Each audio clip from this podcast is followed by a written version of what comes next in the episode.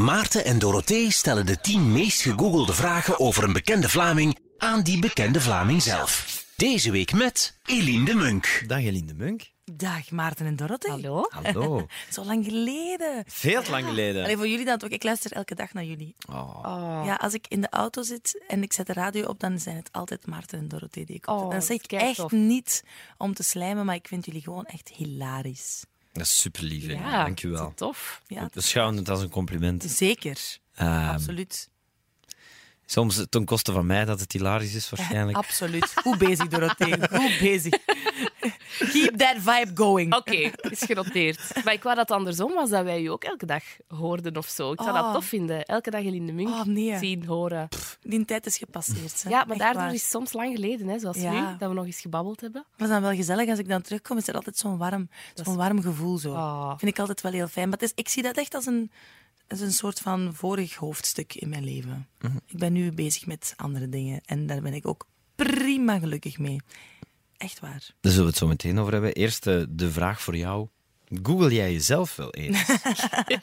Nee, ik google mezelf nooit. Maar er zijn soms wel mensen in mijn eh, nabije omgeving die mij aan het googelen zijn terwijl ik erbij ben. Ah ja, dus het ja, dat dat is extra gênant dan ook. Want dan denk je van, oh, ah, ah, nee, niet dat.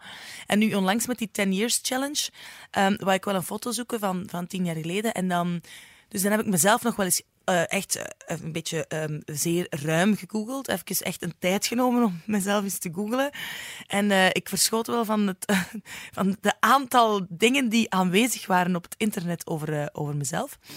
En ook de beelden die dat allemaal staven, die toch niet altijd echt flatterend zijn. Maar dat is, hè. Google Wat heeft ook geen, geen filter op. Is het een mooie, elegante foto van die persoon, hè? Nee. Gewoon alles staat erop, hè? Ja, en dat vind ik aan zijn kant ook wel goed.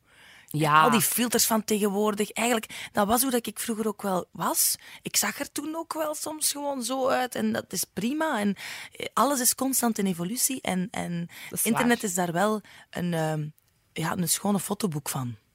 Wat we soms niet beseffen is hoe dat zal blijven bestaan. Snap je? Dus als ik Ja. nu mijn bedovergrootvader of mijn overgrootvader, als ik mij afvraag hoe was die, waar woonde die, er is zelfs een kans dat ik het gewoon nooit zal weten, omdat Ja. ja, mensen die het weten er misschien niet meer zijn. Maar uw zo. achter, achter, achterkleinkinderen gaan u wel nog vinden. Die weten gewoon... Oh, die zoeken Crazy. Gewoon... En in detail, hè? Nou, die zoeken gewoon Maart van Quali, 21 januari 2019. Foto. Ja. En niet ene foto. Zal wel ene zijn, hè? Ja, ja, zelfs naaktfoto's van Ja, ja. Maarten, hè? Oh, oh, oh, oh, die moeten geband worden van het net. Geband. Nee, maar Heb dat je toch kan niet, gezien? Maarten zijn naaktfoto. Nee, ik heb Maarten zijn naaktfoto nog niet gezien. Wat? Die, die zal er tot in de eeuwigheid blijven eh, Ja, wacht. Ik heb Maarten zijn naaktfoto echt nog niet gezien. Voor we aan de tien meest gegoogelde vragen beginnen, zal ik even de naaktfoto Ja, daar wil ik nu wel, daar tonen. ben ik nu wel echt extreem benieuwd naar waar dat dit... Staat eh, trouwens Maarten ook naakt. op het kantoor van Matthias Koppes in Mechelen. Staat hij op, de, op een kast ergens. Ehm, Maar ik is klein. Maar... prachtig, hè? En maar dat is weer een lang die verhaal. beker vast? Dus jij hebt Maarten dan... Want het is eigenlijk... Het is... Het is ehm, hoe zeggen ze dat nu weer? Eh, dat, ze, dat je zoiets teest, maar niet echt... Oh, ik kan niet op het woord komen. Zie, ik ben geen presentatrice meer en ik, ik kan niet meer op woorden Het is komen. geen hè. teaser, hoor. Er is geen payoff. Dit is het. Dit is het.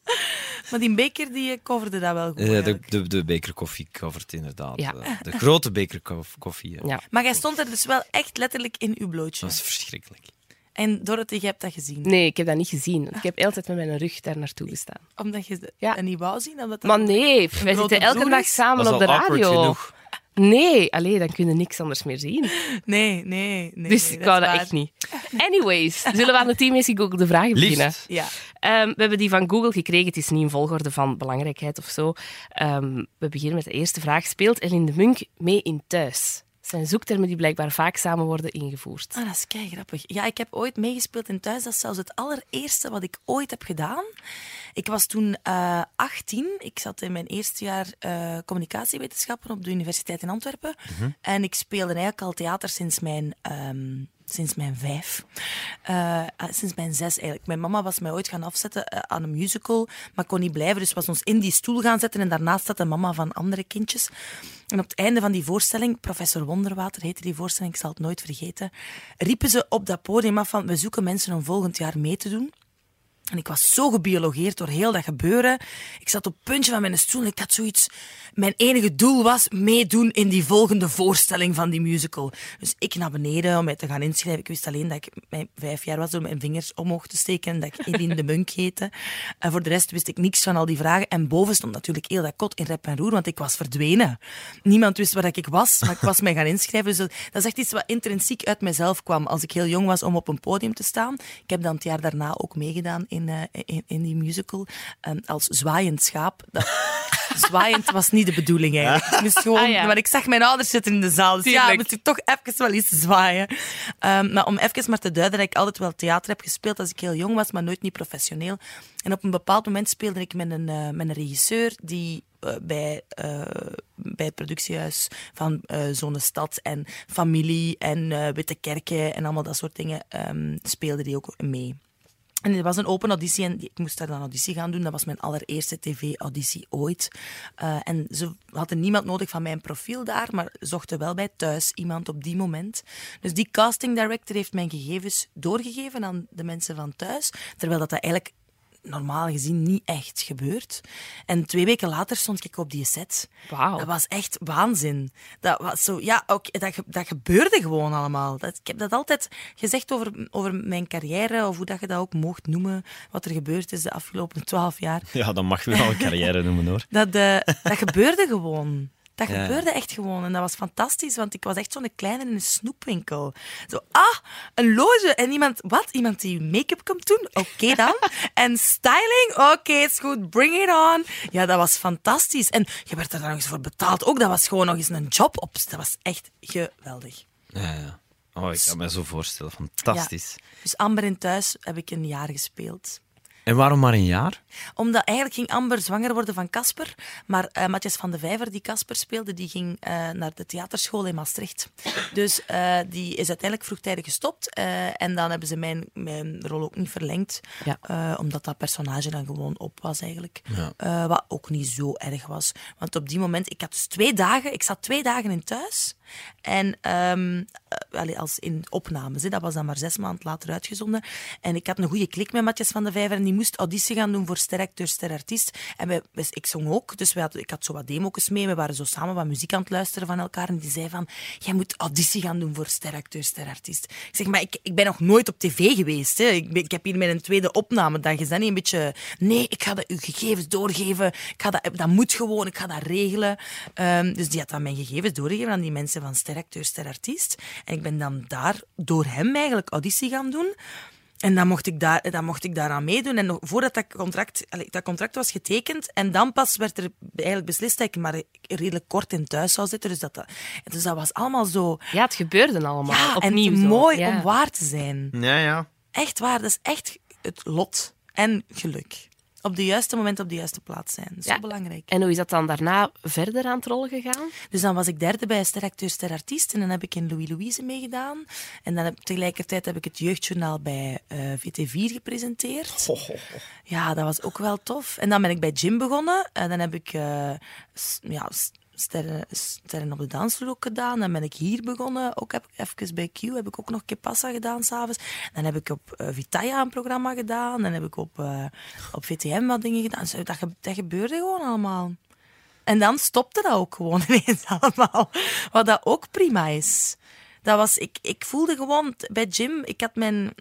Ik had alles gedaan wat ik daar kon doen. Ik had de festivals gedaan, ik had de, de, de Gym Awards gedaan, ik had de live shows gedaan. Ik had alles wat ik daar kon doen, had ik, had ik gedaan. En ik voelde gewoon ook van, wow, ik ben aan het uitbollen. En ik heb geen zin om uit te bollen. Ja. Ik wil springen. Ik ben wel een springer. Als je niet springt, kun je ook nergens opvallen. Dan, en stagneren of in slaap vallen, dat is, hetgeen- dat is mijn grootste angst in het leven. En ik hoop dat, dat mensen die aan het luisteren, dat die dat ook... Dat als je niks onderneemt, gebeurt er ook echt wel echt fucking niks, hoor. Dus je moet wel zelf je eigen leven in handen nemen. En ehm, ik heb dat dan gedaan en ik dacht, ik zal wel zien wat er gebeurt als ik hier weg ben met Jim. En ik ben overal wat gaan babbelen en er kwam niet echt iets uit wat dat voor mij de moeite was. En ik dacht, ik ga mij gewoon op iets anders focussen dan. En ik ben echt een heel gelukkige vrouw. Ik ben ook een vrouw ondertussen geworden. Met Jim was ik nog een meisje. En dan heb je ge- gezegd van ik stop, ah, ik ga ermee stoppen met Ja. Jim. En dan was het eigenlijk zo'n beetje hier bij Medialaan gedaan. Allee, bedoel dan. Ja, dat, ik, ik ben nog wel af en toe te gast in dingen. En, eh, eh, en dat is ook prima. En ik ben op gesprek geweest voor bepaalde programma's. Sommige dingen die ik niet wou doen, sommige dingen die ik niet mocht doen. eh, omdat er iemand anders was die dat ging doen.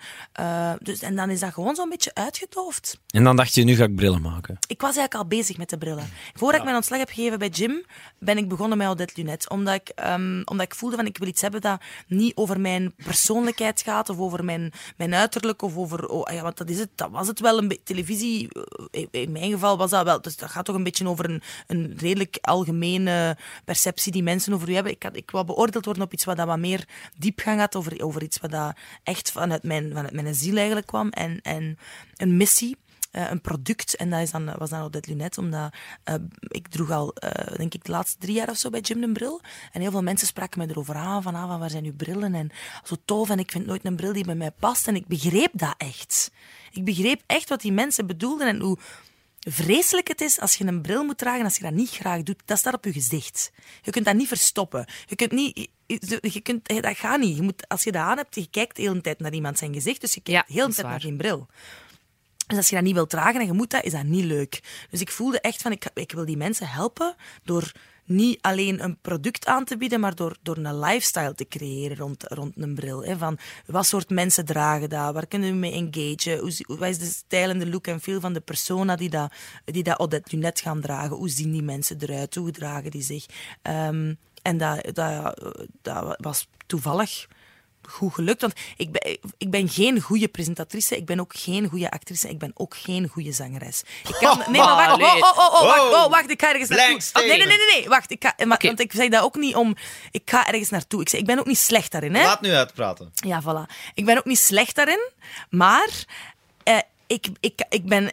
Ik kan gewoon iets in de markt zetten, dat kan ik. Ik heb mezelf altijd in de markt weten te zetten, zonder dat ik een exceptioneel talent heb om te zingen of om te acteren of om te presenteren. Ik bedoel, eh, eh, dat is gewoon, ik ben geen Natalia eh, of, of geen Laura Tesoro over te zingen. Ik ben, ik ben ook geen...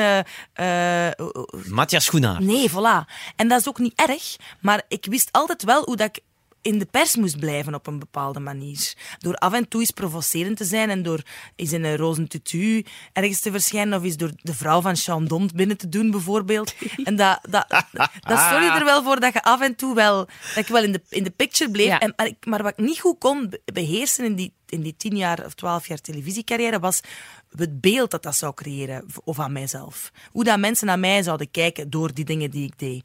Eh, wat ik af en toe natuurlijk wel serieus tegen de lamp ben gelopen, of, of met, met- tegen de muur ben gelopen, en heb af en toe wel heel veel pijn heb gehad van, godverdomme, hoe komt dat nu toch dat, dat mensen mij zo zien? Hoe, hoe, hoe kan ik dat nu veranderen? En door daar langer en langer mee bezig te zijn, begon ik dat ook steeds meer te begrijpen en is dat iets wat ik bij de brillen wel meer kan sturen.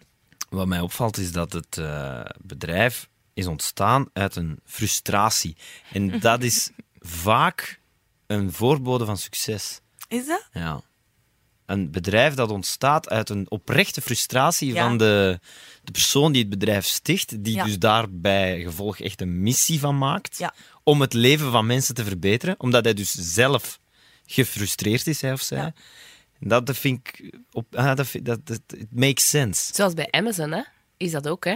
Ja, bij Dus- veel bedrijven, hoor. Ja, dus de, de baas van Amazon, dat is nu toevallig omdat we daar onlangs een presentatie over hebben gezien, die eh, ergerde zich aan naar de supermarkt gaan. Dus in uw auto stappen en dan een lijstje meenemen en dan, oh ja, ik ben dat lijstje vergeten en dan aanschuiven in de supermarkt en ik vind dat niet en aanschuiven aan de kassa en ah, eh, het werkt niet, het betaalbakje, en dan moet je dat in je koffer zetten, dan moet je naar huis rijden, dan moet je dat uitladen, dan moet je dat in de kast zetten en een week later moet je dat weer allemaal opnieuw doen. en dan heeft hij dus uitgevonden dat je gewoon via Amazon eh, dingen kunt laten leveren, dat je gewoon kunt... Ja, hij is begonnen Eh, met boeken. Echt, niemand gaf nee. dat een cent voor. Hè. Ja, Stop Maar dat is echt... Ja, dat is wat ik zeg inderdaad. Dus die frustratie, dat dat ervoor zorgt dat uw missie en uw visie heel duidelijk Ja, ja, ja, ik ben echt mega gepassioneerd door, door... Ik doe ook zelf de baan nog altijd met de bril. Ik doe zelf de vertegenwoordiging in heel Vlaanderen, omdat mijn achtergrond natuurlijk niet brillenkennis is. Hè. Dus ik vergaar die door met opticiens te praten. En dat zijn ondertussen ook... Ja, ik, ik ken iedereen ook echt persoonlijk en dat is super tof. En die geven dan nog tips en tricks. En ik zit daar altijd een uur eh koffieke te drinken en kei gezellig. En als het niet fijn is, dan, dan stop ik ook met de samenwerking met een bepaalde opticien. Als het, als het niet leuk is, ik heb zoiets van, het is mijn baby. Ja. Je- Ja, ja. Dit is mijn baby en het moet go- goed marcheren en, en wij investeren daarin, wij willen daar ook in investeren. En, maar dat moet ook een beetje een ROI zijn. Hè. We moeten samen, het moet plezant zijn. Dat is wel het ding aan als je je eigen zaak hebt. ik- Je kunt dat toch wel een beetje zelf beslissen van. En als het niet plezant is, dan, dan stop ik ermee. Dat is een goede graadmeter. Als het Ja. niet plezant is, dan stop ik ermee. En, ik het moet, en, ik moet ook eh, hard werken is niet, is niet. Ik bedoel, muren staan te schilderen in die fucking pop-up, dat is niet altijd plezant, hè? Maar, eh, maar daar, uiteindelijk komt er dan wel tot. De, de voldoening is ook redelijk groot, omdat, omdat er, er, is snel, er is snel return on investment van oké, we hebben nu dit gedaan. Want ik beslis dat ook gewoon zelf met mijn vernoot.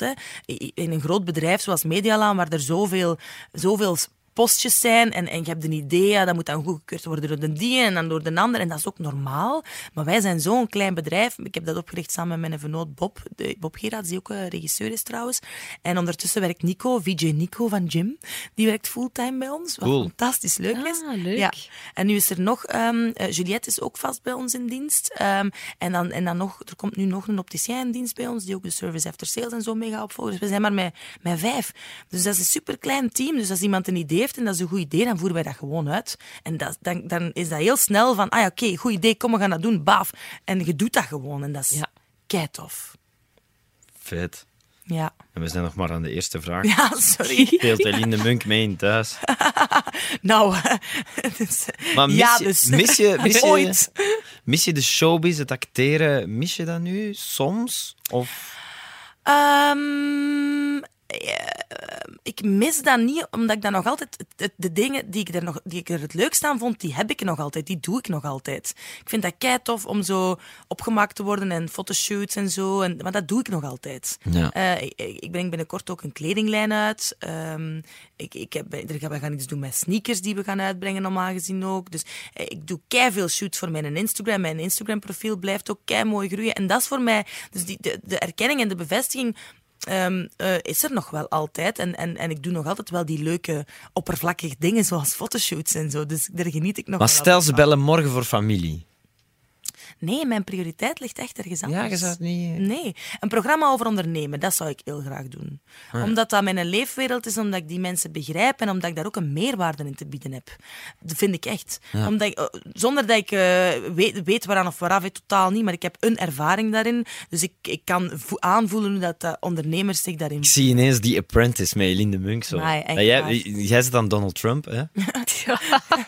Boah. Sure, Ja, sure. Oh. You're out! liefst geen vergelijking. Ja. Liever niet eigenlijk. Klein overgeefje in mijn mond. Oké, oké. Maar goed, ehm, zullen we naar de tweede vraag Ja. gaan? Heeft Eline de Munk meegedaan aan De Slimste Mens? Ja, Eline de Munk heeft meegedaan aan de slimste wet. Dat was het meest stresserende ding wat ik ooit in mijn leven heb gedaan. Ik vond dat echt mega stresserend, de slimste mens. Eh, die voorbereiding gewoon daarop. Hè. Maar eigenlijk wou ik dus dat Erik van Looy een bril van mij droeg en die zei, oké, dat is goed, doe ik alleen als jij meedoet dus het was ruilhandel, avant la lettre. Eh, maar ehm, ik heb er twee afleveringen in gezeten. Ik heb het ook goed gedaan, ik was content. Ehm, Allee, ik heb goed gespeeld. Ik, ik, ik zag- ik zag er echt... Ik, als ik dat terugzag, ik was totaal mezelf niet. Ik was echt gewoon eh een bol stress. Maar. Eh, ehm, maar ik vond het wel leuk om te doen. eh, en ben blij dat ik er niet de eerste keer al uit was. Ben je over het algemeen stressbestendig? Of Ehm, ben je altijd zo... Oh my god! Ik ben wel altijd heftig, denk ik. Mijn, mijn therapeut zei onlangs tegen mij, en dat vond ik eigenlijk heel erg. Ze zei zo 80% Nee, 85% van de mensen, ja, 85. 90 is te veel en 80 is te weinig. Maar 85% van de mensen vinden u te heftig, denk ik. Ik, ik zat echt zo daar zo, wow, wat? 85% dat is veel. Dat kan gewoon niet. En dat kan echt niet hoor. Ik, ben, ik kan ook rustig zijn. En ik kan, maar er gebeurt gewoon wel veel in mijn leven. En natuurlijk, als je bij je therapeut gaat, dan vertelde ook alleen maar over die heftige momenten. Ik kan Ja. ook best echt lekker saai zijn. Koekjes bakken. Mijn koekjes zijn trouwens de beste koekjes die Oh je ooit in je leven hebt niet gegeten. Ik zal ze opsturen. Echt waar. Yes. Jullie moeten die proeven, die zijn echt delicious. Maar dan kan ik dus... En dan in de zetel zitten, filmpje checken. Daar kan ik ook van genieten, hoor. Dat doe ik ook wel eens. één keer in de maand of zo, maar it happens. maar dat lijkt mij nog wel leuk als je het vergelijkt met eh, af en toe is op gym komen of af en toe is een filmpje. Nu zet je gewoon een hele dag uzelf en dat deelt je op Instagram en zo en af en toe verschijnt je ergens. Dat lijkt mij ook makkelijker om jezelf dan te tonen dat het zo geen momentopnametjes zijn af en toe. Ik Maar sta veel dichter bij mezelf. ja, nu. ik snap dat. Ik sta echt veel dichter bij mezelf, want het hangt niet af van wat dat één of twee mensen eh, wel of niet in mij zien. Ik, ik, ik creëer het zelf en, en ik word beoordeeld en afgestraft op, op, op een product dat er wel of niet staat en een marketing die er wel of niet staat. En dat, dat, dan is dat ook, eh, en dat is door de globale door iedereen dat, dat naar Odette Lunet kijkt, bij wijze van spreken. Dat is niet door één of twee mensen die beslissen of ik wel of niet een programma mag gaan presenteren. En dat is ook, dat is ook prima. Hè? Dat is nu eenmaal hoe dat al die verschillende sectoren in elkaar zitten. Tuurlijk, ik snap ja. dat ook. Maar ehm, ik heb het veel liever zo en ik voel me echt... Ja, ik, voel, me- ik ben echt gelukkig eigenlijk. Ja, Ja, goed. ja hè? Super. Zijn jullie ook gelukkig? Ja, absoluut. Maar wel een beetje jaloers op die vrijheid van u. Wel. Ja, vrijheid. Dat, klinkt, dat, dat is op een bepaalde manier is dat enorm vrij. Hè? Weet Maar- je... Sorry dat ik je onderbreek. Mag, mag, mag je niet onderbreken. Maar ik- Jawel, ik, wilde gewoon Jij even mag. dat duiden. Want ik, het ding is, wij moeten elke dag drie uur op antenne. En dat vind ik soms zwaar. Ja, dat snap ik. Soms zou ik zo ietsje langer aan iets willen Mhm. doorvakken. Tot het echt goed is of zo. Maar ik vind jullie toch wel wat ik echt bedoel? leuk, hoor. Dat is lief. Maar snap je wat ik bedoel? leeg ook wel soms, maar dat is gewoon... maar dat is deze wereld ook gewoon. Dus... Maar dat is ook de reden waarom we dit doen. Deze podcast, snap je? Omdat je dan toch dat gevoel hebt van... Is een keer... Dat het ietsje, ietsje dieper mag gaan. het. Ja, absoluut. ja, voilà. Ja, dat is ook zo. Want ja, als je langs gaat bij de radio, dan is het zo... eh, s ochtends om zeven uur moet het er dan zijn, vaak. En dan, je zit dan in twee blokjes van twee keer drie minuten en dan mogen je twintig seconden iets in zeggen en dan begint er een plaatje. Ja, dat is normaal, hè. Zo gaat het, hè. Maar dat is wel echt... eh, Oké. Dat is exact de reden dat wij deze podcast zijn Ja. begonnen. Ja. Wat jij nu net hebt Ja, gezegd. ja, ja, dat dat je tenminste dus- even... Ja. Ik zag overlaatst die Annemie Peters van Radio 1. Ik heb het nu nog wel niet gehoord, maar mijn vriendin had het gehoord. En ze zei, die begint naar een podcast met... Ja, ik ben even niet op de radio, ik doe nu dit. En ik dacht, oh my god. Die wordt er fucking fulltime voor betaald voor die podcast, die Ja. Annemie Peters. Zo gaat dat, hè. En niet dat ik daar jaloers op ben, want ik zou zot worden als ik alleen maar dit mag doen. Maar Maar het is toch wel leuk, dit. ja, ja, maar dat is toch wel raar dat dat dan zo die haar job is. Echt. Maar verrijkt u dat ook niet? Om eens even zo... Allee, Een om- beetje pauze te Ja, het is een soort van pauze. Hè. Ik denk Ja. ja, dat, dat je echt eens een keer kunt doorbabbelen, tenminste. Ook voor mensen die luisteren, hè, is dat aangenaam, denk ik. Ja, ik Even denk in de wel. flow zitten. Even echt eens luisteren naar wat iemand te zeggen heeft. Want oké, op tv wordt dat allemaal toch geknipt. En, en in een interview, als dat neergeschreven staat, wordt dat ook... Dat is anders. Hè. Neergeschreven woorden of, of je hoort niet de intonatie erbij. Of, of die tekst is toch niet helemaal alles wat er gezegd is geweest. Hier is dat gewoon echt Ja. heel het verhaal even. En dat, dat, is, dat is toch... Dan heb je het gevoel dat je echt naar iemand die een gesprek aan het hebben is met iemand anders aan het luisteren bent, toch? Wat dat ook een beetje echter is. Absoluut. Maar dat deze wereld wel kan gebruiken, een beetje echtheid. Ik vind dat wel. Ik bedoel, ik hou van social media. Ik vind het fantastisch om, eh, om mee te doen aan eh, dat leeg medium en om daar dingen op te zetten die, die u een dag maken of... En we doen daar allemaal aan mee en dat is ook fijn, hè? Maar het, is wel belangrijk om te beseffen dat er meer is dan alleen maar dat. En, en eh, dat de echtheid en de diepgang toch in andere dingen gezocht moet worden. Absoluut. Ik ben het daar ook helemaal mee eens. Mhm. En om op uw vraag te antwoorden, ik ben ook gelukkig, ja? Ja, ik ook. Kijk hoe! Ja. Ik Kijk ook. hoe. Absoluut, ik ook. Ik ook. Ik vind het, het is nu wel veel. Vind Ja. ik. Het is iets te veel voor mij Ja. op dit moment. Ja. De, de, Ja, maar elke dus- dag zo'n show, mannetjes, dat is ook niet om te lachen. Nee, hè? ja, Ja, met al zijn kinderen. ja, ja, ja, de, de En dan show, de kinderen. Ja. De. Jongen, jongen, jongen. Snoezie, of hoe heet die? Snoezie. Ploesje? Loes. Loes. Loes, Loes, Loes. Mijn grootmoeder zegt Loesje. maar het is Loes. Snoezie en Ploegie wel ook Ja, goede hondennamen eigenlijk. Snoezie en. Voilà, we geven ze gratis weg aan de luisteraars. Snoesje en Ploesje. Eh, de derde vraag. Wie is de vriend van Eline de Munk? Ah, ik heb zoveel vrienden. Echt waar. Ik heb zoveel vrienden.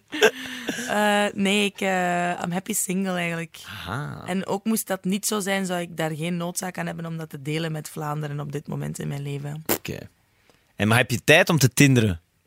Nee, en ik was onlangs... Ik, dus, ik heb een appartement eh, gekocht een jaar en een half geleden, om daar samen te wonen met mijn toenmalige vriend en zijn drie kinderen. Je hoort het goed. Drie kinderen. Dus je hebt nu zo'n paleis. Nee, voilà. Nee, dat, nee, maar nee, ja, nee. Maar ik wou daar wel niet alleen wonen. Dus ik heb, nu woont er een vriendin van mij Ah, ja. bij mij. Alleen kennis, iemand die ik nog niet zo heel goed kende, maar wel, wel wist dat ik die kon vertrouwen. Ondertussen zijn wij vriendinnen geworden. Dat is echt super tof. Elke avond tea time en roddelen en praten over hoe de dag is geweest. Kei leuk. Maar we zijn allebei dus single en dan, en dan, dan is dat de hele tijd zo. En zij is dan haar Tinder shit aan het laten zien aan mij. Maar ik zo, ik kan niet op Tinder. Ah ja, dat gaat niet. En Waarom niet? ja, kom aan, Maarten. Ik ga echt niet op Tinder, hoor. Ik ga echt niet... Nee. Ik heb, dat is het nadeel van een... een Maar ik vind dat wel een bekender Ik wil dat even Nee. gewoon uitdiepen. Ik snap dat wel. Waarom? Ik snap uiteraard waarom niet. ja. Maar ik wil toch de vraag stellen, waarom niet? Maar het is gewoon... No je trekt, ik trek altijd daardoor verkeerde... Verkeerde mannen aan of zo. Je hebt, ik begin nooit op nul, ik zal het zo zeggen. Ofwel begin ik op min 10, ofwel begin ik op plus 10. En eh, of- ik kan dan stijgen en dalen als ik met iemand dan... Dus ik kan ook van 0 naar plus gaan, maar ik kan ook van plus naar min gaan. Dat gaat ook, hè.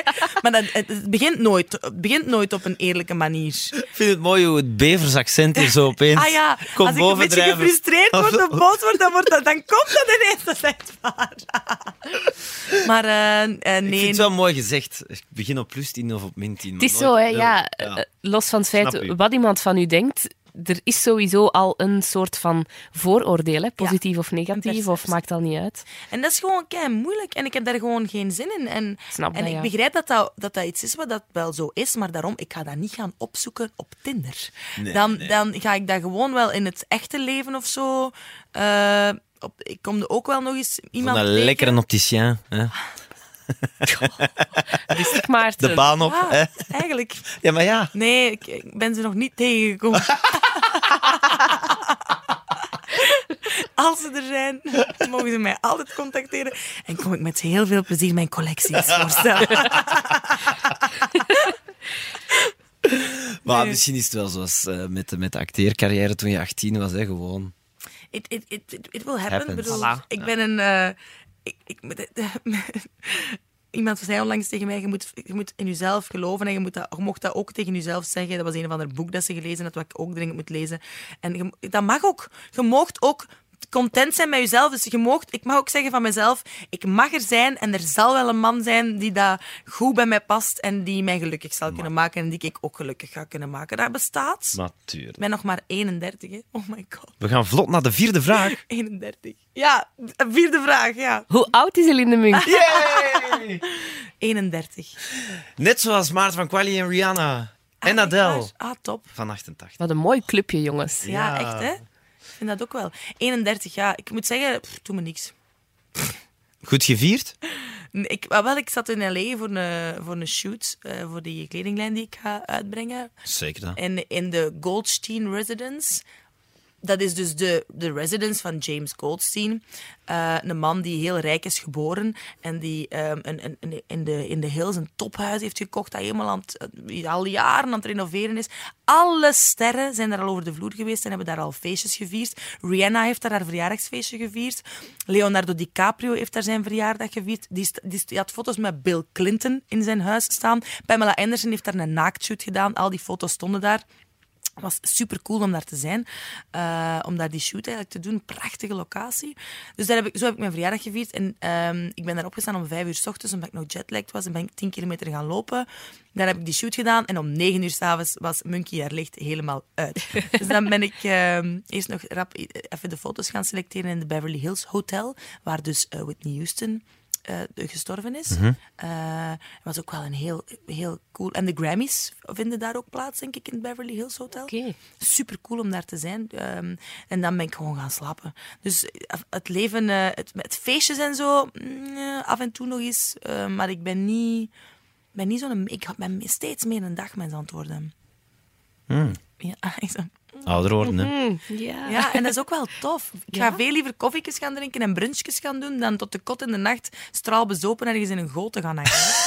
Ja, want eh, ik heb dat ook heel hard. Ja. Eh, Af en toe een feestje is leuk, Ja. hè? want dan kun je zeggen, wauw, Ja. tof feestje gisteren. Ja. Maar eh, stel dat je al de tijd die je gewoon eens koffietjes drinkt of iets rustig op café of zo, dat je die tijd zou feesten, ik denk dat, dat, dat je veel minder goede banden met je vrienden zou hebben. Ja. Of zo. Omdat gewoon eens rustig babbelen, daar heb je toch veel meer aan dan alleen maar feesten. Ja, en zeker nu. Hè. heel saai wat ik kan zeggen. Helemaal niet, totaal niet. Maar we, je wordt inderdaad een beetje ouder, dus je, je tijd is gewoon selectiever. Als je, tot je 18 vind ik altijd beslist eigenlijk niets zelf. Je wordt op een school gezet en de mensen die daar in je referentiekader, in je klas en zo zitten, dat worden je vrienden. Maar dat zijn daarom niet per se mensen waar dat je zelf echt uit nature een goede klik mee zou hebben. Het is pas vanaf dat je 18 bent dat je echt zelf begint te beslissen. En hoe ouder dat je wordt, hoe selectiever dat je ook begint te zijn. Wat ik super interessant vind, omdat je dan... Dat is een soort van reflectie voor jezelf. Ik vind dat een reflectie voor mezelf. Als ik voel van, wauw, die persoon... pff, eigenlijk heb ik geen goesting om daar nog veel energie in te steken. Zonder dat dat erom... Dat wil niks zeggen, dat kan een super toffe mens zijn, maar je moet gewoon keuzes maken in je leven. Ja. Dat gaat gewoon niet anders. En dan eh, vind ik het wel leuk om zo te zien van welke, welke keuzes dat je daarin dan maakt. En dan de tijd dat je dan hebt met elkaar is kostbaar, dus wilde ook wel praten. Wilde niet alleen maar zo de 30-plus dans staan te doen en, eh, en zo, yo, eh, jij nog iets drinken? Dus dat, nee, daar heb ik niks aan. Nee, ik snap het. Ik snap het helemaal. Ehm, wat ik interessant vond toen Alex Eikno hier was, eh, die zei, ik heb moeite met het woord volwassen, want dat insinueert dat er geen ruimte meer is om te groeien. Dat vind ik niet waar. Oké. Alex Agnew is echt een kleuter als die in dat zegt. Nee, Nee, ik denk dat hij het in de context toen, toen bedoelde over hoe, het leven gaat. Je zegt baby, peuter, wat is het allemaal, ehm eh, jongvolwassen, whatever. En dan eh, volgt gewoon het woord volwassen. Het ging Ja. meer zo over het leven, dat je van op een bepaald moment eh, volwassen wordt genoemd. En ja, Top. dat is het dan zo. Nee, en dat is dan, totaal niet. Als je volwassen bent, heb je, heb je- dan, heb je, dan zijn je in dat... Je hebt al die andere stapjes doorlopen om daar te zijn. In het stadium volwassen. En dan, eh, trouwens, als volwassen heb je, heb je zoveel te leren nog. Elke dag opnieuw. Kom, je- kom je toch jezelf tegen? Of kom, eh, denk je toch wel van... Ik zag onlangs iemand, zo'n oud mevrouwtje, die echt zo onbeleefd was, dat ik dacht van... Eigenlijk, wat- dat was zo van... Wow, ah ja, als je normaal gezien oud bent, dan had ik altijd vroeger het beeld van oudere mensen dat die zo perfect zijn. Dat die zo niets kwaad doen naar andere mensen toe. En dat die kei beleefd en sociaal geëngageerd. En, en dat die alles weten en dat die zo. alles weten. Ja, echt, Dat is niet, hè? Dat is totaal niet. Maar hè. iedereen heeft toch zo'n moment dat hij dat beseft. Ja, ik had dat online. Ja, voilà. Onlangs, ik had dat op mijn zes, dat ik marsepein Ah, ja. ging verkopen en dat, die, dat er zo'n oude vrouw op deed en die zei, ik moet dat niet hebben! En die sloeg de deur toe en ik dacht... Oké, dat zijn dus ook gewoon heel slechte, vreselijke oude mensen. Ik dacht dat oude Ja. mensen altijd top waren. Ja, dat is, dat is echt niet eigenlijk. Nee. Maar ik, ik moet wel zeggen, door zelf ook eh, volwassener te worden. Want ik denk dat je... Je je bent niet gewoon volwassen, je kunt ook nog volwassener durder worden. Dat gaat. Ja, ja. dan ehm, je wordt rustiger, je leert jezelf op een andere manier kennen. En, en er is, ik, vind, ik vind dat je ook... Ik, ik, als ik voor mezelf spreek, ik aanvaard mezelf ook meer zoals ik ben. Terwijl als je in, nog in, al, in al die fases zit, zit zo aan het zoeken en dan zit je vooral met ellebogen aan jezelf aan te werken. Zo van, ah, ik wil dat niet zijn of ik wil dat juist wel zijn. Hoe komt dat ik dat niet voel en ik moet dat voelen en ik wil daar staan en daar zijn. En dat is, dat is zo... Ja, dat is anders nu. Dat is zo van, het is oké om, echt te luisteren naar wat je nodig hebt. De, Klinkt, klinkt etherisch, zweefteefachtig, ik weet Ik vind dat helemaal niet eigenlijk. Maar dat nee, is wel zo. Ik vind dat... Dat is nu het laatste wat ik zou denken van... Amai, dat is zweverig. Ja? Nee, ik Ik- vind dat eigenlijk gewoon heel... Hoe moet ik het zeggen? To the point. Heel Ja. realistisch eigenlijk gewoon. Ja? Top. Ja? Top. Kijk hoe. En dat zeg ik ook niet om, eh, dat zeg ik ook niet om te slijmen. Hè? Nee. Nee. jij zei, ik luister graag. Ik vind het echt niet zweverig. Oké, top. Want het laatste wat ik wil zijn is zo'n yoga-griet. hè. Dat, eh, ik, ik snap dat ook niet, yoga. Ik vind dat iets heel raar.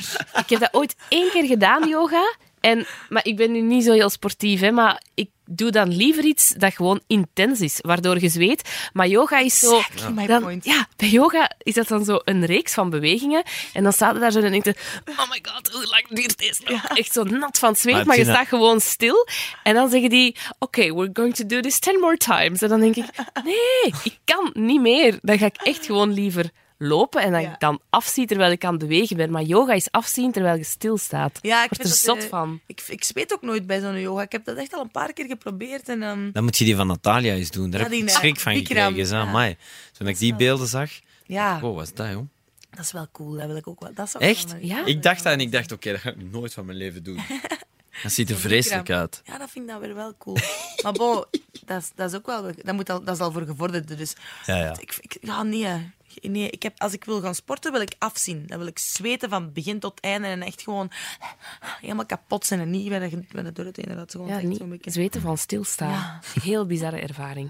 Dat is wat. De vijfde maakt Eline de Munk brillen. Ja, we hebben het al uitgebreid gehad. Ja, Eh, die maak ik. Ik vraag me wel af, waar wil je met dat bedrijf naartoe?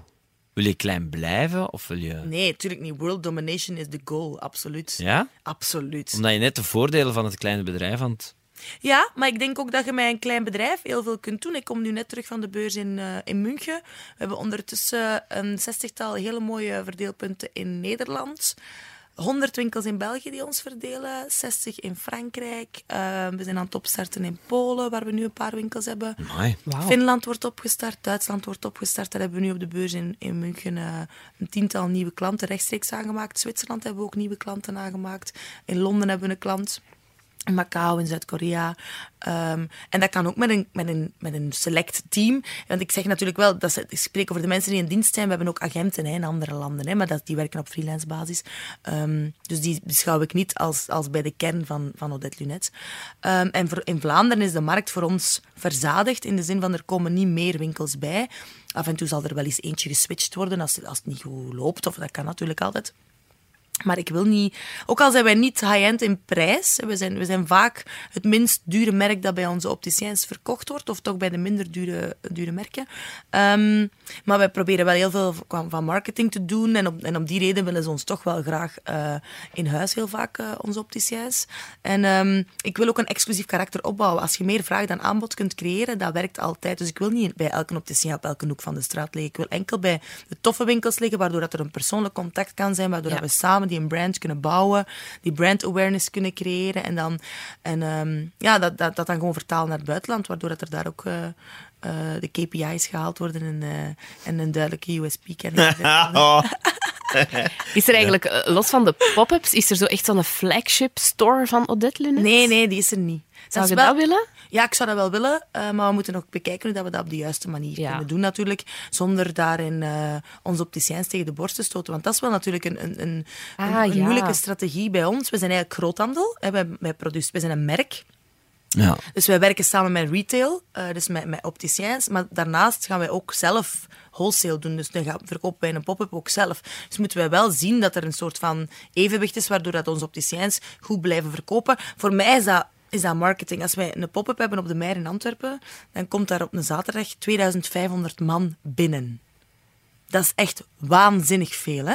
Dus die komen binnen, die zien ons product, die zien onze marketing, die zien onze storytelling, die pakken een lookbook mee. Die hebben misschien op die moment geen, geen bril nodig, maar we zijn hopelijk wel top of mind als die dat wel nodig hebben. En dan Ja. vinden die wel hun weg naar de opticien. En eh, een flagship store zou, heeft hetzelfde doel in mijn ogen. Die zou ook voor die brand awareness en die marketing kunnen, mo- en moeten zorgen. Maar natuurlijk moeten we dan ook wel uit de kosten, eh, kosten geraken. En, en eh, ik ben wel van mening, ofwel doet het goed, ofwel doet het niet. Dus als we ooit een flagship store zouden hebben, dan wordt dat echt de fucking graafste winkel die je ooit in je leven hebt gezien. Nice. Dat is in elk geval toch het doel, weet je? Ja. Dat is het doel. Want de retail, de, de brillensector is ook de enkele retailsector die met 2% is gestegen dit jaar. Alle andere retailsectoren zijn gedaald. Dus ehm, mensen kopen alles online. Er is heel veel leegstand in de winkelstraten, maar voor een bril niet. Nee, ja, Ah, ja, bril online kopen is ook... Ja, Dat is ook je hebt een opticien nodig, hè. Je Ik moet het laten... stimuleer dat niet, want het heeft service after sales Ja. nodig. Je moet dat kunnen aanpassen. Dat, dat- nee, nee. Dus inderdaad, wij, wij, wij zijn ook niet eh, per se pro eh, online. Ja, maar dat is echt een uitzondering. Hè, in heel de- Dat is wel interessant. Ik, eh, ik ben ooit eens op vakantie geweest in Kaapverdië, lang geleden, een paar jaar geleden. En dan, dan kwamen we zo'n koppel tegen, super toffe mensen. En die gast, die had zo een bedrijfje. En die zei dan zo tegen mij, ja, ik heb dat eens uitgerekend. Als ik het voor 2 miljoen kan verkopen, dan ben ik binnen. Die zei dat. Maar die, die had wel een passie voor dat bedrijf, hè, voor de duidelijkheid. Maar die, die was daar zo wel al over aan het nadenken. En dan kwam ik die zo de jaren daarop zo vaak tegen in de tijd. Niet dat ik de tijd veel lees, maar ik zag dat dan op Facebook en zo. Ja, dat gewoon dat fotootje en zo, ah, dat fotootje. En dan Ja. wist je van, ik zie die nog eens. Ja, Maarten Nee. moet tijd lezen voor al zijn aandelen en zo. En, eh, Nee, maar dan begon hij zo ineens prijzen te winnen en groot arte en voorpagina's staan van de tijd. En, dan, en nu heeft hij zo een paar maanden geleden dat verkocht, maar ik denk echt voor 100 miljoen. Dat is echt, waanzin, hè? Echt voor heel veel geld. Ik, ik weet het niet, hè. Maar ik- vermoed dat het echt voor heel veel geld is. En dus ik vraag me af, zit dat soms ook in je hoofd? Eh, nee. Eh, ik ben zeer emotioneel attached met het bedrijf. Mhm. Wat belangrijk is, want ik ben daardoor ook het hart van het bedrijf. Ehm, terwijl Bob, mijn vernoot, is veel meer rationeel geëngageerd voor het bedrijf. Die, die denkt veel meer analytisch na en over de cijfers. En die wil natuurlijk... En er is een businessplan. We hebben een, we hebben een plan voor het komende jaar. We moeten onze, onze bruto marge moeten behalen. Onze EBITDA moet omhoog. Dus we zijn wel met dat soort dingen uiteraard bezig. Hè. Dat, is, dat is nodig als je business wilt doen. Je nummers, je, cijfers moeten kloppen.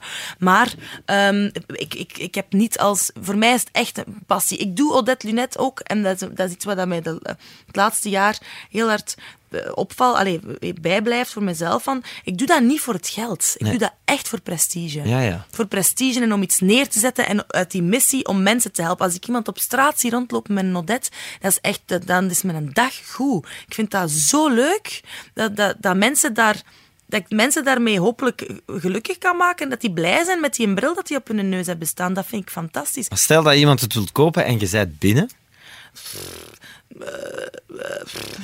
Daar kan ik niet over nadenken, omdat dat totaal niet aan de orde is. Ja. Omdat dat bedrijf helemaal nog niet staat waar het moet staan. Er moeten nog heel veel stappen gezet worden. Om maar een idee te geven. eh, Bob en ik, wij werken daarnaast allebei nog in, met een andere job. Ik, doe, ik, ik zit nog met Pickback Army. Ik, ik, ik heb nog een theatertour gedaan. Big Big Army's eh, coverband, zeker. ja. Ja. Eh, ik doe veel, af en toe wat social dingen. Ik ben, breng dan die kleding. Dus ik ben met veel andere dingen ook bezig. Bob is regisseur nog daarnaast ook nog altijd. Want wij keren onszelf nog altijd geen loon uit Oké. uit de brillen. We investeren alles op. We, we hebben natuurlijk mensen in dienst, dus we, hebben, en we beslissen om meer te investeren in het bedrijf, zodat we sneller op een, op een, op een lucratieve manier kunnen groeien.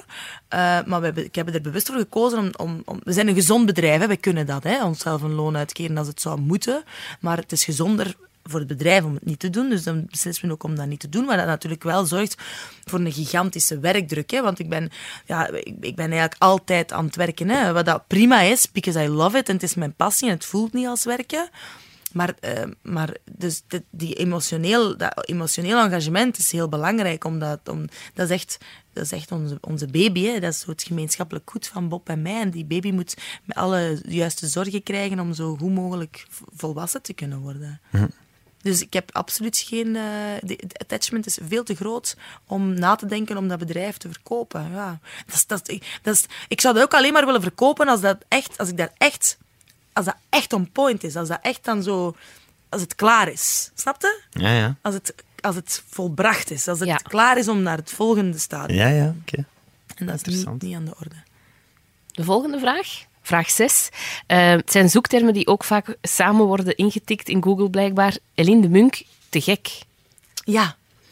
Ja, ik heb inderdaad dus een voorstelling gespeeld. Ah, dat is wel leuk dat dat veel, dat Ja. dat veel wordt ingetikt. vind ik echt, echt heel fijn, want dat wil toch zeggen, nogmaals, dat daar nood aan is. Hè. De, de Gek is, ehm, is een organisatie die zich inzet voor, rond sensibilisering voor mensen met, eh, ja, met psychische problemen eigenlijk. Ehm, net zoals de Rode Neuzendag eh, dat uiteraard ook, eh, ook doet, eh, is de Gek eigenlijk een organisatie die dat, dat, die dat die dat daarvoor leeft. Ehm, en ik heb een voorstelling gemaakt over zelfmoord in de psychiatrische centra voor mensen die suicidaal zijn, of mensen die iemand hebben verloren aan zelfmoord, of mensen die totaal niet in aanraking zijn gekomen met dat thema, of daar geen voeling bij hebben, maar wel getriggerd worden daardoor, van wat is dat eigenlijk, hoe, zit dat net. Ehm, en het leuke was eigenlijk dat dat in de psychiatrische centra was, waardoor ik was daar nog nooit geweest, bijvoorbeeld. En dat krijgt toch heel vaak nog zo'n stempel van ah, het zottekot. Hè. Terwijl dat is helemaal niet. Dat is eigenlijk een kuuroord voor uw geest. Ook als Mooi. je daar binnenkomt en je ziet die mensen zijn. iedereen is heel warm en, en, en lief en begaan met elkaar. En, eh, dat was eigenlijk een muziekvoorstelling samen met Wouter Berlaan waarbij dat er brieven werden voorgelezen van geliefden aan hun nabestaanden. En eh, daartussen werden er nummers gebracht die een voeling kunnen hebben met het, met het thema. En bijvoorbeeld eh, John Legend, Ordinary People, ehm, vond ik daarin een hele belangrijke van. We zijn allemaal maar gewoon mensen. Hè? Iedereen doet gewoon maar iets. En dat is zo belangrijk om dat af en toe te kunnen voelen van... Niemand weet het, hè? Nobody knows. Iedereen doet maar iets en is gewoon zijn best aan het doen om er het beste van te maken. En dat is top. Ehm, maar als, je, als het niet gaat, ook prima. Het is niet zwak om u om toe te geven dat het niet goed gaat. Dat is net sterk, want dat is ook net moeilijk. En daar, daar is veel weinig begrip voor, toch nog altijd in deze. Of mensen denken dat dat besmettelijk is of zo, als je je niet goed voelt. En, oh, je moet er niet te veel over komen zeggen, want ik... Dus daarom is die, die voorstelling was er echt voor sensibilisering. En als ik dan vroeg, in, in, in, want we hebben ook een paar schoolvoorstellingen gedaan, en op de Hogeschool in Gent vroeg ik van, hoe, hoeveel mensen kennen hier iemand die zelfmoord heeft gepleegd? Dat, dan meer dan de helft van de jongeren stak zijn hand op. Dat is echt waanzin, hè? Elke dag in Vlaanderen plegen er drie mensen zelfmoord, als in geslaagd. Een geslaagde poging. Hè? Met pogingen erbij zijn dat er meer dan twintig. Dat is ongelooflijk, hè? Dat is waanzinnig veel. Dus dat is, dat is, dat is heel belangrijk om, om, om daar dit taboe daar rond te doorbreken, om, om te weten dat, je gewoon, dat het oké is als je je niet goed voelt. Gewoon, dat, dat, dat, dat, dat niet erg is. Dat je pakt dat gewoon, probeert dat aan te pakken Ja. en probeert er Laat het zover niet komen. Voilà, laat Ja. het zover niet komen. Ja, want ik vind dat super mooi dat je daarvoor inzet, maar dat is toch voor jezelf tegelijkertijd ook heel zwaar om met die problematiek bezig te zijn dan. Ehm, mijn mama, haar mama heeft zelfmoord gepleegd als zij 15 was. Als mijn mama 15 was. Ehm, en daar is altijd heel openlijk over gepraat bij ons thuis. Want ik, ik, die voorstelling, ik, kon dat ook alleen maar maken als ik daar wel een voeling mee had. Ik ben er niet rechtstreeks mee geconfronteerd geweest, maar wel via, via mijn mama dan. Die, die, als zij zelf 15 was, als ik 15 was, sorry, als ik 15 was, dan, had, dan vond hij dat ook ineens, dan had hij ineens moeilijkheden met hoe dat ze ons moest opvoeden, omdat hij daarin geen voorbeeld had gezien als in zijn ja. moederrol. Ehm, dus voor haar was dat ook wel zo eh, heftig en ik, ik, voel- wij voelden dat ook wel, dat dat, dat, dat voor haar moeilijk was. Jij en Ehm, eh, je tweelingbroer zeker, hè? Ja, ik zijn en mijn met twee, hè? tweelingbroer. Ja. Ehm, dus dat was wel, eh, dat was wel, wel heftig, maar dat heeft nog altijd effect op de generaties daarna ook. En, en eh, bij ons in de familie, mijn mama is met tien thuis en mijn mama is de derde jongste, dus die moest dan bij haar broers en haar zussen gaan wonen. Fantastische familie hebben wij, super hecht. Iedereen zorgt altijd voor elkaar, zal er altijd zijn voor elkaar. Elke maand is het familiefeest. Eh, elk, elk jaar gaan die een keer samen met alle onkels en tantes op weekend. Die komen naar alle voorstellingen kijken van mij. Die, die, die komen altijd allemaal een bril kopen. Eh, fantastisch. Dus dat is, dat is kei leuk, een hele hechte familie. Maar dan, dan bleek toch wel dat er, dat er neven van mij waren die ouder waren. Die niet wisten dat onze oma zelfmoord had gepleegd, bijvoorbeeld.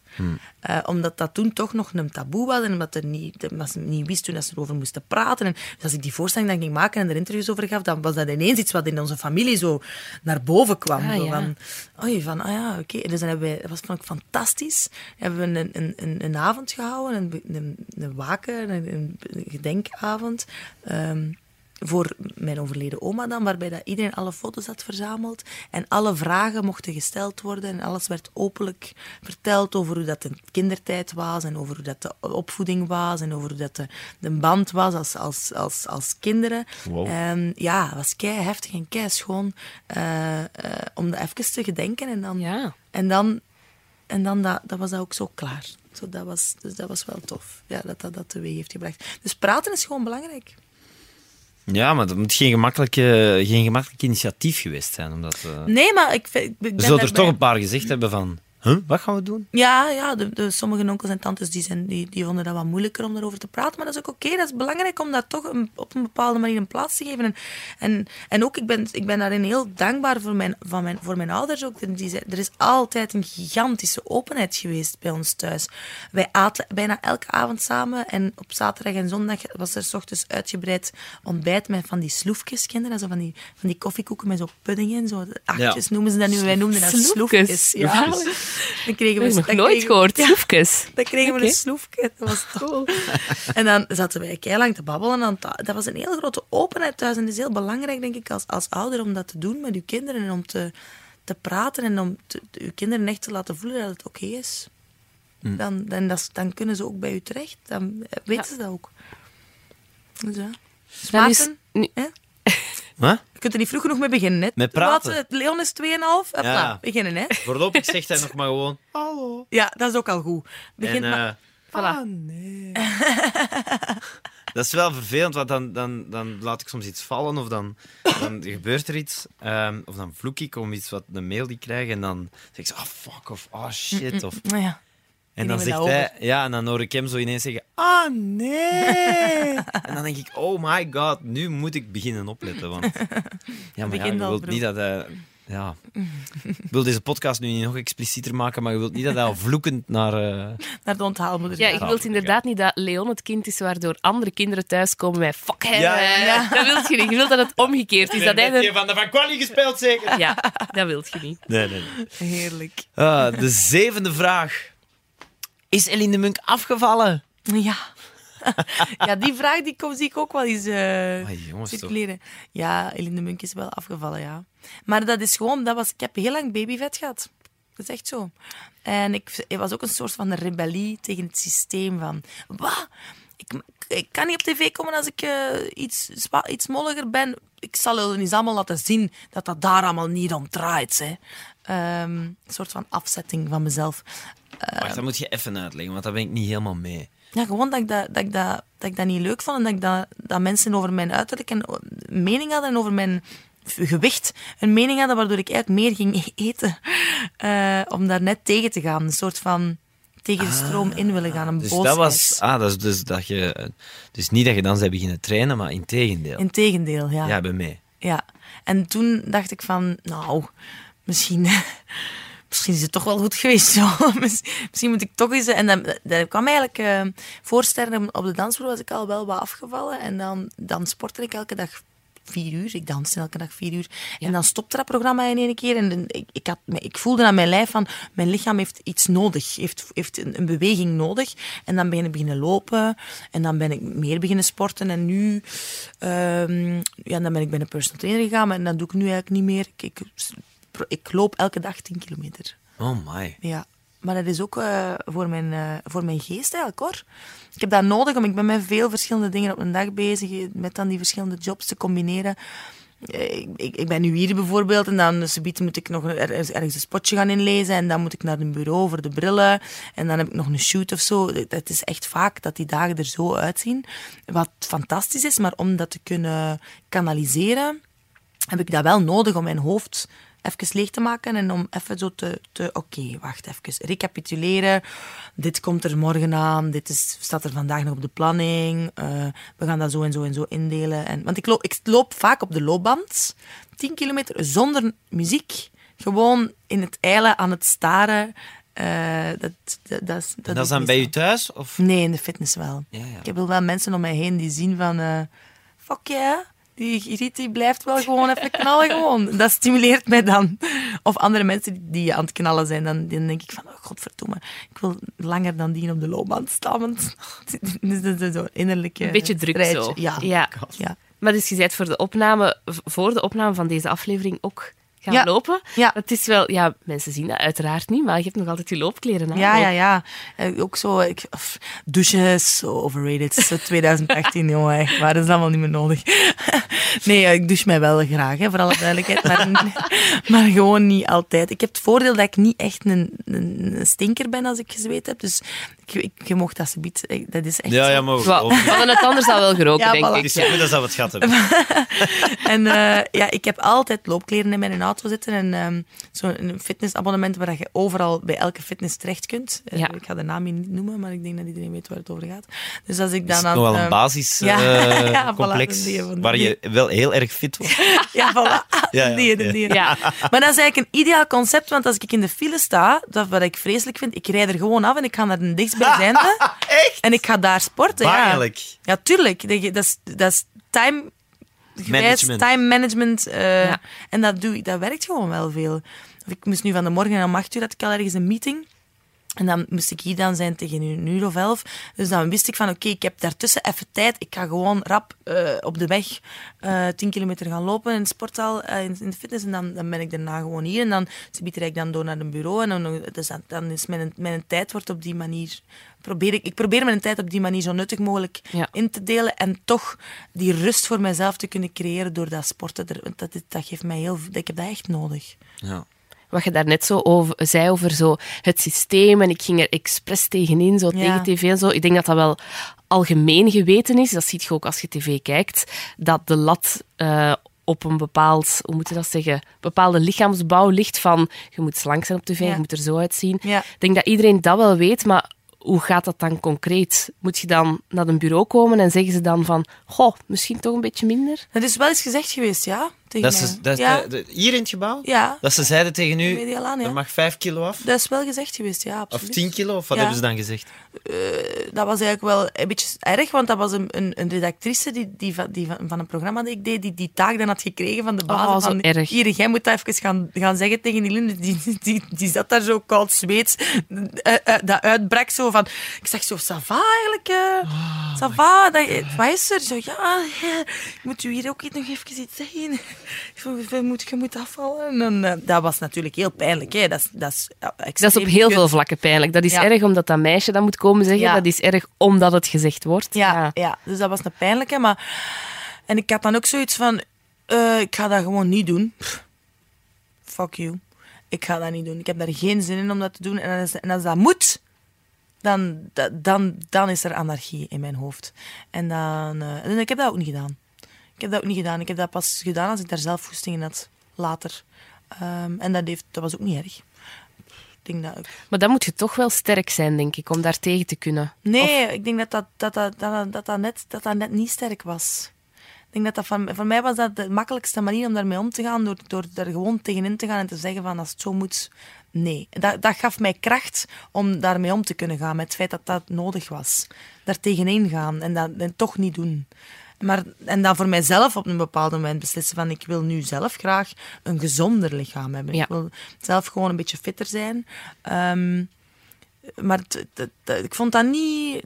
Als ik daarnaar zou geluisterd hebben, dan zou ik mij veel zwakker gevoeld hebben. Maar was dat dan een programma dat je dan niet zou krijgen of zo? Of waarom werd dat dan gezegd? Of was dat op gym dan gewoon? Dat was op gym, ja. Dat was op gym. Eh, ja, waarom werd dat gezegd? Omdat dat, een, omdat dat de maatstaven zijn, omdat dat is waar dat iedereen aan, zich aan moet houden. En Dus eigenlijk iedereen die je op tv ziet, heeft dat ooit al te horen gekregen, vermoed. Geen flauw idee. Maar ja, ik Eline-. Ik kan niet spreken voor iemand anders. En, en Ja, ik denk nee, ook- jawel, Eline. Als je, als je googelt, dan zie je toch de mark gewoon. Dat Maar mensen dat te horen Maar hebben misschien gekregen. hebben ze het niet te horen gekregen, maar zijn ze gewoon altijd zo Was het geweest? vanzelf, ja. Was het vanzelf zo, hè? Ik denk dat niet. Er zijn er veel die er echt supergoed uitzien, hè? vanzelf, hè? sowieso. Absoluut. Ja, wel. ik denk dat we ook niet per se over iedereen nu moeten denken van ja, ja, die zal er wel zo uitzien omdat het moest van de baas. Dat zou ik ook niet zeggen. Want Ja, maar zijn- waar ligt de grens, Do? Als je weet dat iemand anders dat te horen heeft gekregen. Ja, is, maar dat is gewoon... Dat is gewoon Dan gaat een misschien al wereld. proactief trainen. Omdat je Ja. Zouden er echt minder mensen naar tv kijken daardoor? Ja, Ik kan me nee, dat niet nee, nee, maar ik denk ook wel dat daar in de tijd nu aan het veranderen is. Maar denk dat je het dat? nu Ik denk meer op niet. persoonlijkheden draait. Ja, Ik denk wel. dat niet. Maar er mag ook meer dialect geklapt worden op de televisie. Heb ik al eens gehoord. eh Antwerps is de nieuwe voertaal. Eh, wat ook oké is. Het, het het mag allemaal een beetje persoonlijker zijn. En dat is... En daardoor mogen ook, ik vind, is, dat is ook een goede evolutie, maar alles is en blijft in evolutie. En ik denk dat social media daarin ook wel een belangrijke is. Als, ik bedoel, ge- geen fan van Kim Kardashian hier zo, maar ehm zij heeft er wel voor gezorgd dat vrouwen met een die niet dik zijn, voor alle duidelijkheid, maar die wel zeer vrouwelijk zijn. En die een kle- zo'n buikje en, en, een, en een kont en tieten. poep, ja. dat, die, dat dat ook kan. En daar, daarvoor ben ik haar wel dankbaar. Dat, dat, dat de maatstaf daarin toch wel veranderd is. En ik, ik ben eh, op vakantie geweest in, in eh, New Orleans in, in mei. En daar liepen vrouwen rond, man. Die echt dingen aan hadden waarvan dat je zou denken dat die verdwenen in hun lichaamsplooien. De, de, die, die echt dat veel te klein was voor, wat dat, voor die hun lichaam. En die droegen dat toch. En die waren super self-confident. They owned it. They owned it. En ik denk dat er hier in Vlaanderen voor een hele lange tijd dat er maar één eh, ideaalbeeld is van hoe dat een lichaam er moet uit zijn. Er is maar één lichaamsideaal. Hoe noemt dat nu? Een Ja, ja. Ja. ja, het wel. Maar daar zijn er kei veel verschillende lichaamsidealen. Er- Je hebt er echt mensen die dat houden van het hele, het hele dikke en het hele. Maar je hebt ook mensen die van het supersportieve houden. En dat- er zijn veel meer ideaalbeelden. Wat dat ervoor zorgt dat er, dat er, dat er veel meer contentement is. Want Iedereen vindt wel iemand Ja. waar hij op lijkt. ja, zo, en niemand vindt, zo, vindt zichzelf... De meeste mensen...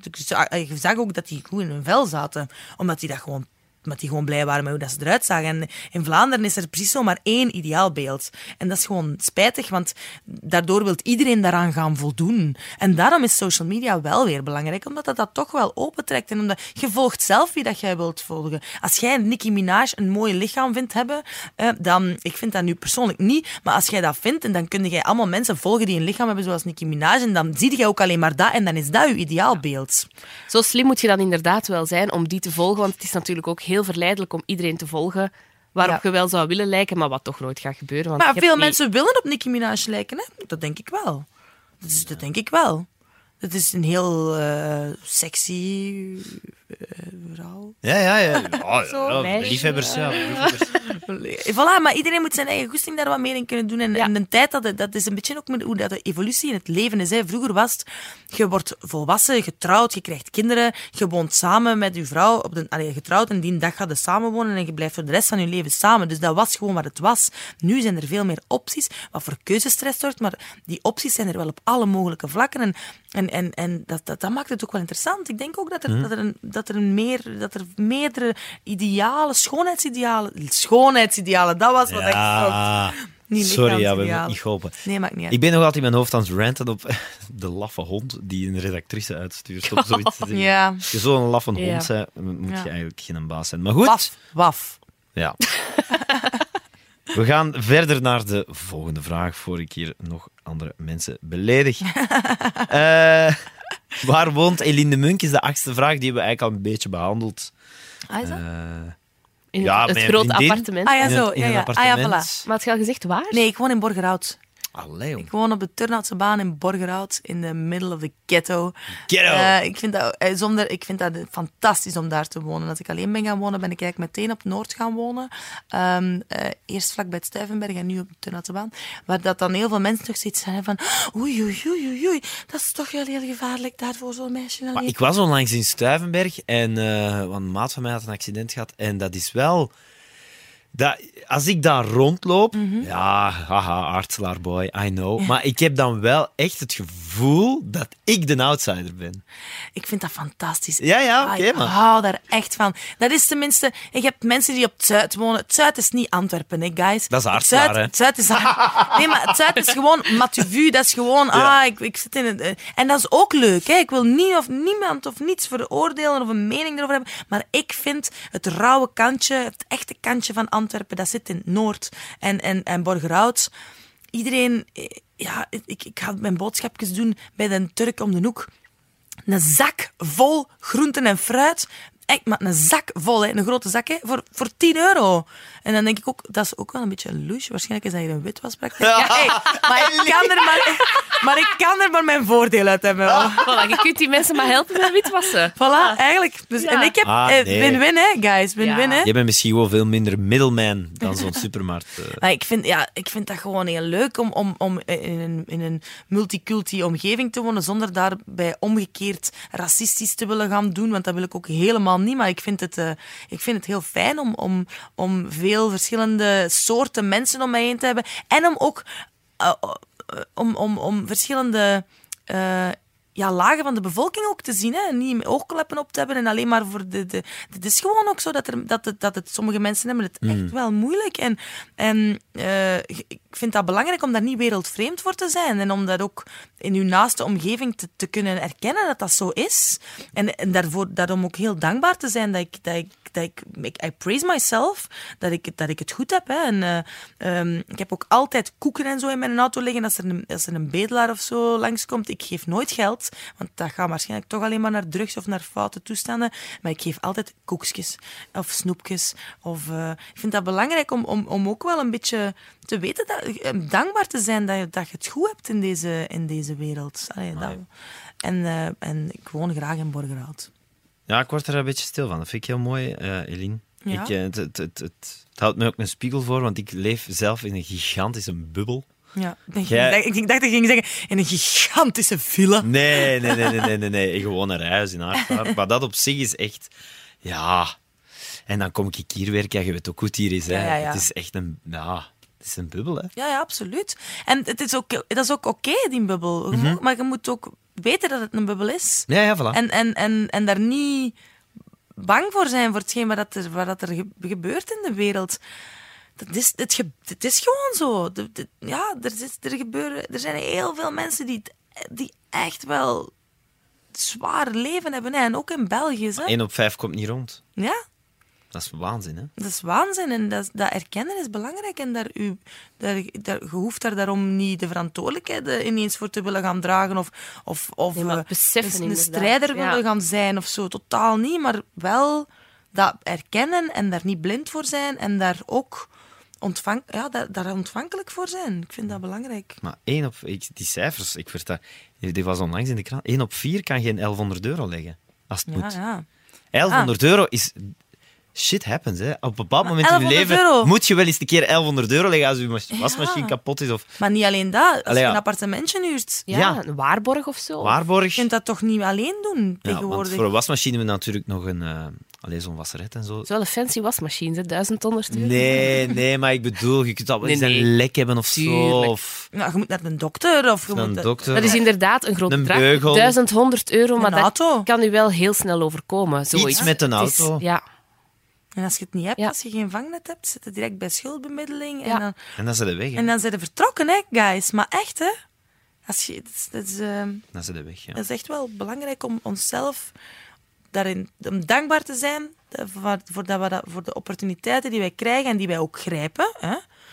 Maar dat dat ook bij sommige mensen gewoon niet, het, niet lukt. Door niet op de juiste moment op de juiste plaats te zijn. Of door een- niet de juiste eh, vangnet te hebben. Of, en, en daar ook dat niet als iets negatiefs te gaan percipiëren. En niet zo van, ah, die mensen, eh, totaal niet. Die doen ook hun best. ja, want dat merk je soms wel. Mensen die heel hard in een bepaalde bubbel leven. Ik bedoel voor alle duidelijkheid niet u, Maarten, maar soms andere mensen of zo, die dan zoiets op bezoek komen in Brussel, want ik woon in Brussel, eh, die dan zo zeggen, hoi, oh, al die daklozen. en dan ook- denk ik, oei, maar dat is wel kei erg. En ik vind dat ook kei erg. En dat breekt mijn hart elke keer dat ik dat zie. En dan kun je het hebben over de problematiek. Kunnen die mensen niet beter geholpen worden? Zou dat niet kunnen? Maar niet zo van... Oh, amai, want dit vrolijkt het straatbeeld wel niet Ja. op. Hè? Ja, nee, natuurlijk niet. Maar Het is ja, fucking reality gewoon. Hè. Het, is, het is gewoon zo. Heb er geen oogkleppen voor. Voilà. En, en probeert daarin ook ja, gewoon, gewoon beseffen. ja exact. Ja. Eh, nog twee hebben we er te gaan. De negende zingt Eline de Munk. Ja, Je hebt Elektra gedaan. ja, Steracteur, sterartiest, hadden we het al over. Ehm, Elektra, dat was fantastisch. ja? Ja, jong, dat was heerlijk. Dat was echt zo. Ik, ik hoop dat dat voor veel mensen zo'n guilty pleasure was. Dat je zo eigenlijk stiekem de raampjes van je auto dicht doet, zodat niemand hoort dat dat op staat en dan keihard meekwelen. Maar dat was voor mij, dat was eigenlijk ook al een soort van ondernemen. hè. Ik betaalde voor de helft mee zelf mijn videoclips. Ehm, en omdat ik ook wou naar Tokio gaan om de clip te shooten, ik wou naar LA gaan om onze clips te shooten. Ik wou zotte kostuums en decors en eh, omdat, ik, omdat ik daar gewoon mijn plezier in wou hebben. En omdat ik dacht van, als ik dat zo, ofwel doe ik het goed ofwel doe ik het niet. Ik ga niet voor Ja. zo'n belachelijke green key gaan staan. Dan wil ik ineens ook wel daar leuke, er, iets leuks mee beleven. En, dus ik investeerde daar ook in, eh, in dat project. Ehm, hetgeen wat ik dan ook verdiende met mijn ander werk. eigenlijk. Dus ik, ben, ik heb het altijd wel een beetje op die manier toch wel wat gehad. Ehm, maar eh, Elektra was heel leuk om te doen. Eh, Vlaanderen was daar niet klaar voor. dat, dat, is- dat moet ik wel eerlijk toegeven. Maar dat is bij ons Maar- toch wel eh, opgepikt, hè, al die singles. ja, ja. Ja, de singles en zo van de, voor de muziek, wel- voor de muziek leuk, wel, hè? Ja, eerder zo het, het visuele eh, alter ego gegeven dat erbij kwam, was toch wel een beetje ordinair ook wel soms. Dus dat was niet echt... wat Ah, maar toen heb je ook inderdaad de vrouw van Sean ja, binnengedaan. Ja, ja, ja, als ja, Elektra. Ja, ja, ja. Ja, ja, all comes back. Altijd ego's. Ja, Vlaanderen was er Altijd- niet klaar nee, voor. Vlaanderen was er niet klaar voor. Maar dan, ik zing nu nog altijd veel, want die muziekvoorstelling, eh, die voorstelling Wordt te gek dan, in de psychiatrische centra, dat was eigenlijk ook eh, met heel veel muziek, heel veel zingen. Ehm, dat was een akoestisch. Ik, ik speel daar ook nog met, eh, eh, met Wouter, ehm, met Big Back Army heb ik ook nog, ben ik ook nog altijd op tour. Ik heb Pippi Langkous, een musical nog gedaan dit jaar, met Frees Soufrio onder andere.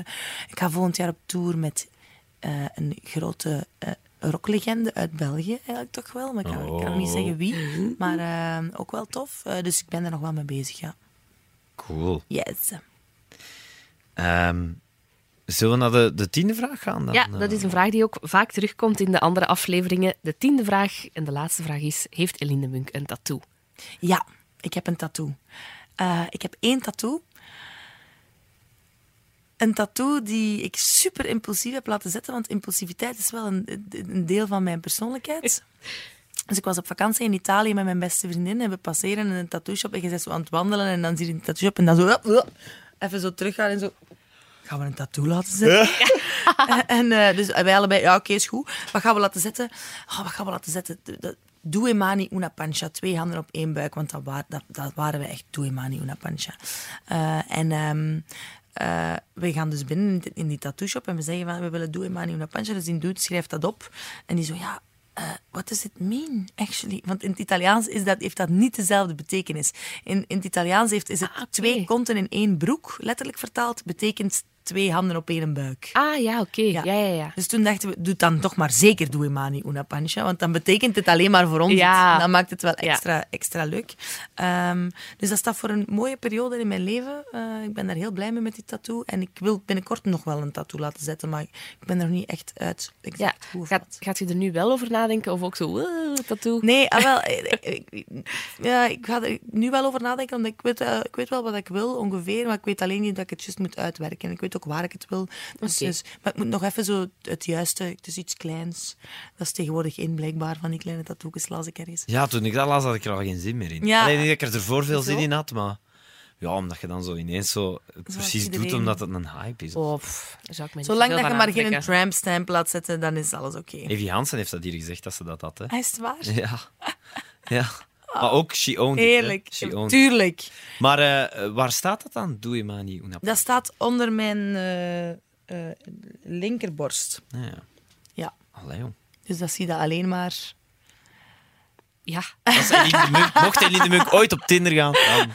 dan Nee, nee, nee, eh, kunnen die tattoos van dichtbij bekijken. Ja, ja, ja. Hebben jullie tattoos eigenlijk? Ik niet, maar Do wel. Ja, en dat is eh, ook zo'n stoem verhaal. Hè? Want mensen zeggen dan, zo, "Hm, wat betekent het? En dan zeg ik altijd, eh, want het staat zo gewoon hier, omdat we dat mooi vonden. Zo, Op jouw pols. Ja, zo drie streepjes. Eh, en dat was gewoon, een vriendin en ik, we zeiden al heel lang, oh, zo gewoon, tattoo, zoiets stof. En dan... ehm, was er, wij sturen ook altijd zo foto's naar elkaar ervan. Amai, deze is kei mooi, deze is kei mooi.